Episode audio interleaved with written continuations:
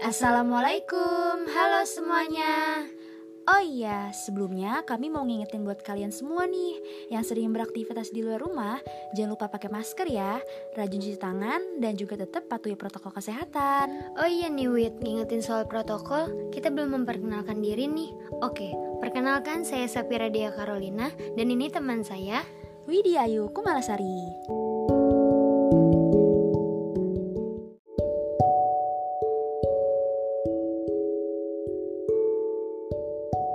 Kami mahasiswa Universitas Bayangkara Bekasi dari Fakultas Ilmu Komunikasi.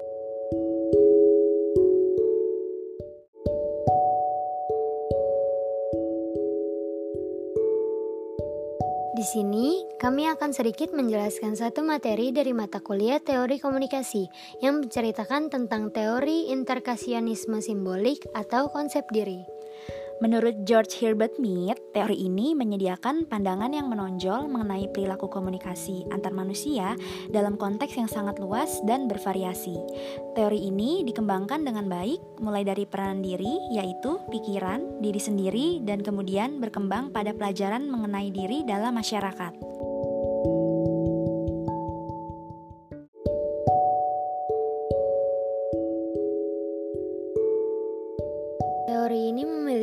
Keterkaitan dari pemikiran Max Weber yang mengatakan bahwa tindakan sosial yang dilakukan oleh individu didorong oleh hasil pemaknaan sosial terhadap lingkungan sekitarnya.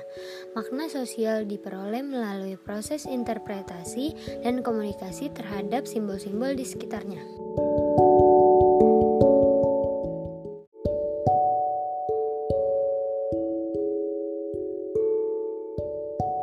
Perilaku manusia dalam konteks peranan diri melalui mind, pikiran, dan self diri sendiri yaitu proses ini dua fase yaitu conversation of gesture, percakapan gerakan, dan language, bahasa.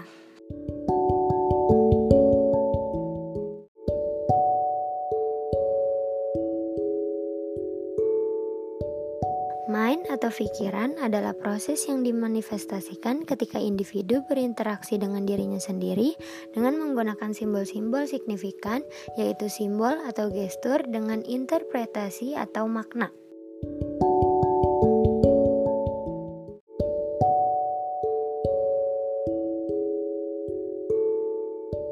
Self atau diri sendiri, Mead mendefinisikan diri sebagai kemampuan untuk merefleksikan diri kita sendiri dari perspektif orang lain. Dari sini, Anda dapat melihat bahwa Mead tidak percaya bahwa diri berasal dari introspeksi atau pemikiran sendiri yang sederhana. Bagi Mead, diri berkembang dari sebuah jenis pengambilan peran yang khusus. Maksudnya, membayangkan bagaimana kita dilihat oleh orang lain.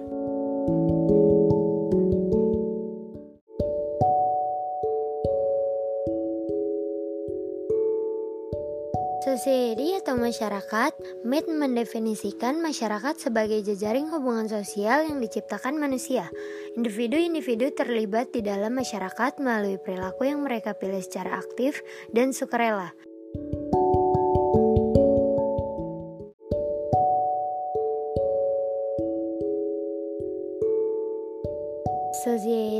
Masyarakat dipelihara oleh kemampuan individu untuk melakukan role taking dan generalis other. Society menurut Mead adalah kumpulan self yang melakukan interaksi dalam lingkungan yang lebih luas yang berupa hubungan personal, kelompok intim, dan komunitas.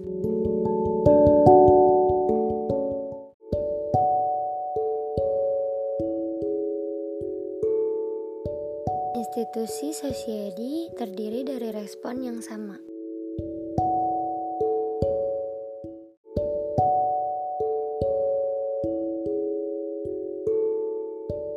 Dan di sini juga terdapat contoh teori interaksi simbolik dalam kehidupan sehari-hari. Yang pertama ada mind, bayi tidak dapat benar-benar berinteraksi dengan orang lain sampai ia mempelajari bahasa atau sebuah sistem simbol, verbal dan nonverbal yang diatur dalam pola-pola untuk mengekspresikan pemikirannya dan perasaannya. Tahap ini dialami sejak manusia dilahirkan. Seorang bayi atau anak mempersiapkan diri untuk mengenal dunia sosialnya. Pada tahap ini juga bayi mulai mulai melakukan kegiatan meniru meski tidak sempurna.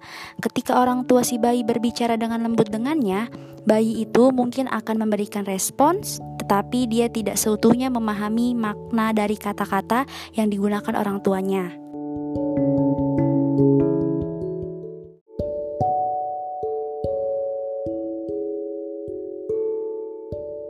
Tetapi, ketika ia mulai mempelajari bahasa, bayi tersebut melakukan pertukaran makna atau simbol-simbol yang dapat mengantisipasi respons orang lain terhadap simbol yang digunakan.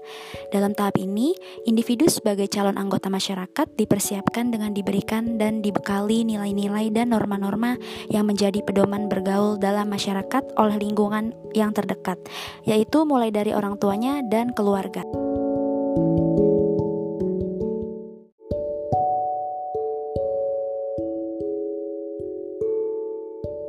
Yang kedua ada self. Self terbagi jadi tiga bagian. Satu, membayangkan bagaimana kita dilihat oleh orang lain. Dua, kita membayangkan penilaian mereka mengenai penampilan kita. Tiga, kita merasa tersakiti atau bangga berdasarkan perasaan pribadi ini.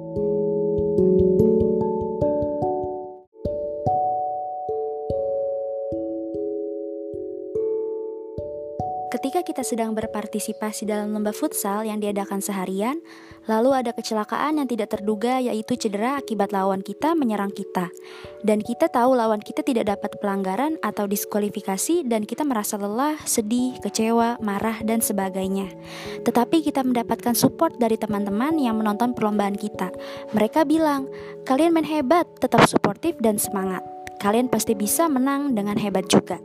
Dengan begitu adanya pantulan atau persepsi orang mengenai bagaimana orang lain melihat kita dan lawan, merubah nilai diri kita dari pandangan mereka yang melihat kita.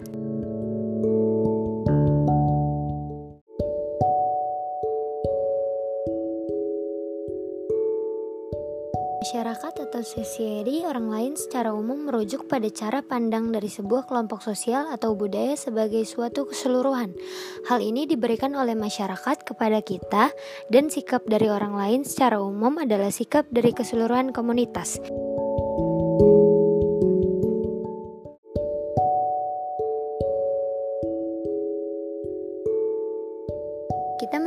Hubungan sosial kita sendiri dengan kebiasaan kita dalam lingkungan keluarga, sekolah, ekskul, dan lain sebagainya.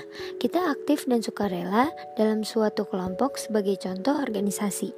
Kita memiliki peran di situ. Kita juga memilih organisasi itu berdasarkan apa yang kita tahu sejak dulu, apa yang kita ingin tahu, dan nyaman atau tidak kita yang menentukannya.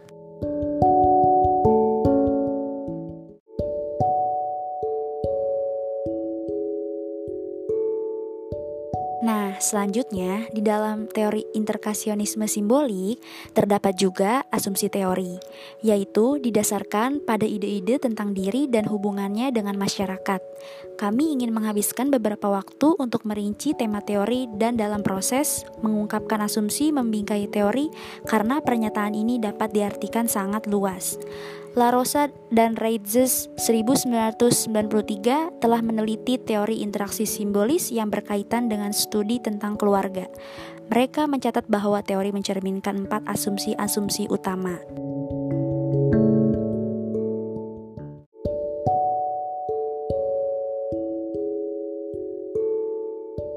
Asumsi yang pertama yaitu manusia bertindak terhadap orang lain atas dasar makna lain yang mereka miliki.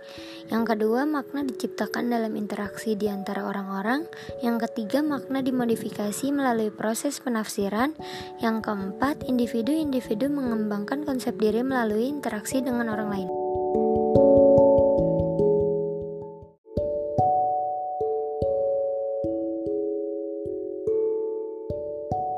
Konsep-konsep penting teori, selain mind, self, and society, di sini juga terdapat integrasi, kritik, dan penutupan. Memberikan wawasan mengejutkan tentang perilaku komunikasi manusia dalam berbagai konteks. Dan selanjutnya ada ruang lingkup. Teori ini mencakup terlalu banyak bidang. Kritikus menegaskan untuk sepenuhnya menjelaskan makna khusus membuat proses dan perilaku komunikasi. Contoh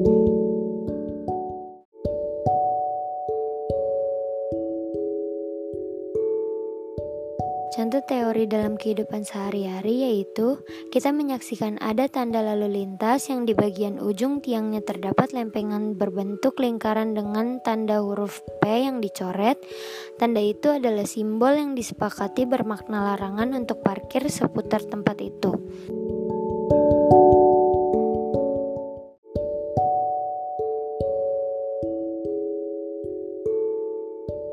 Kesepakatan ini diyakini sudah bersifat universal karena di berbagai negara, tanda lalu lintas yang bermakna larangan parkir diberi simbol sama seperti itu.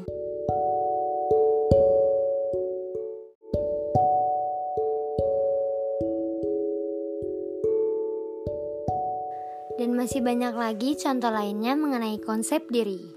Semoga materi yang kita kasih melalui podcast ini bermanfaat buat teman-teman semua ya. Oke, Pergi ke kampung, jalan terbelah. Cakep. Pohon jatuh, awas tertimpa. Jika ada salah kata, maafkanlah. Wassalamualaikum dan sampai jumpa. Dadah.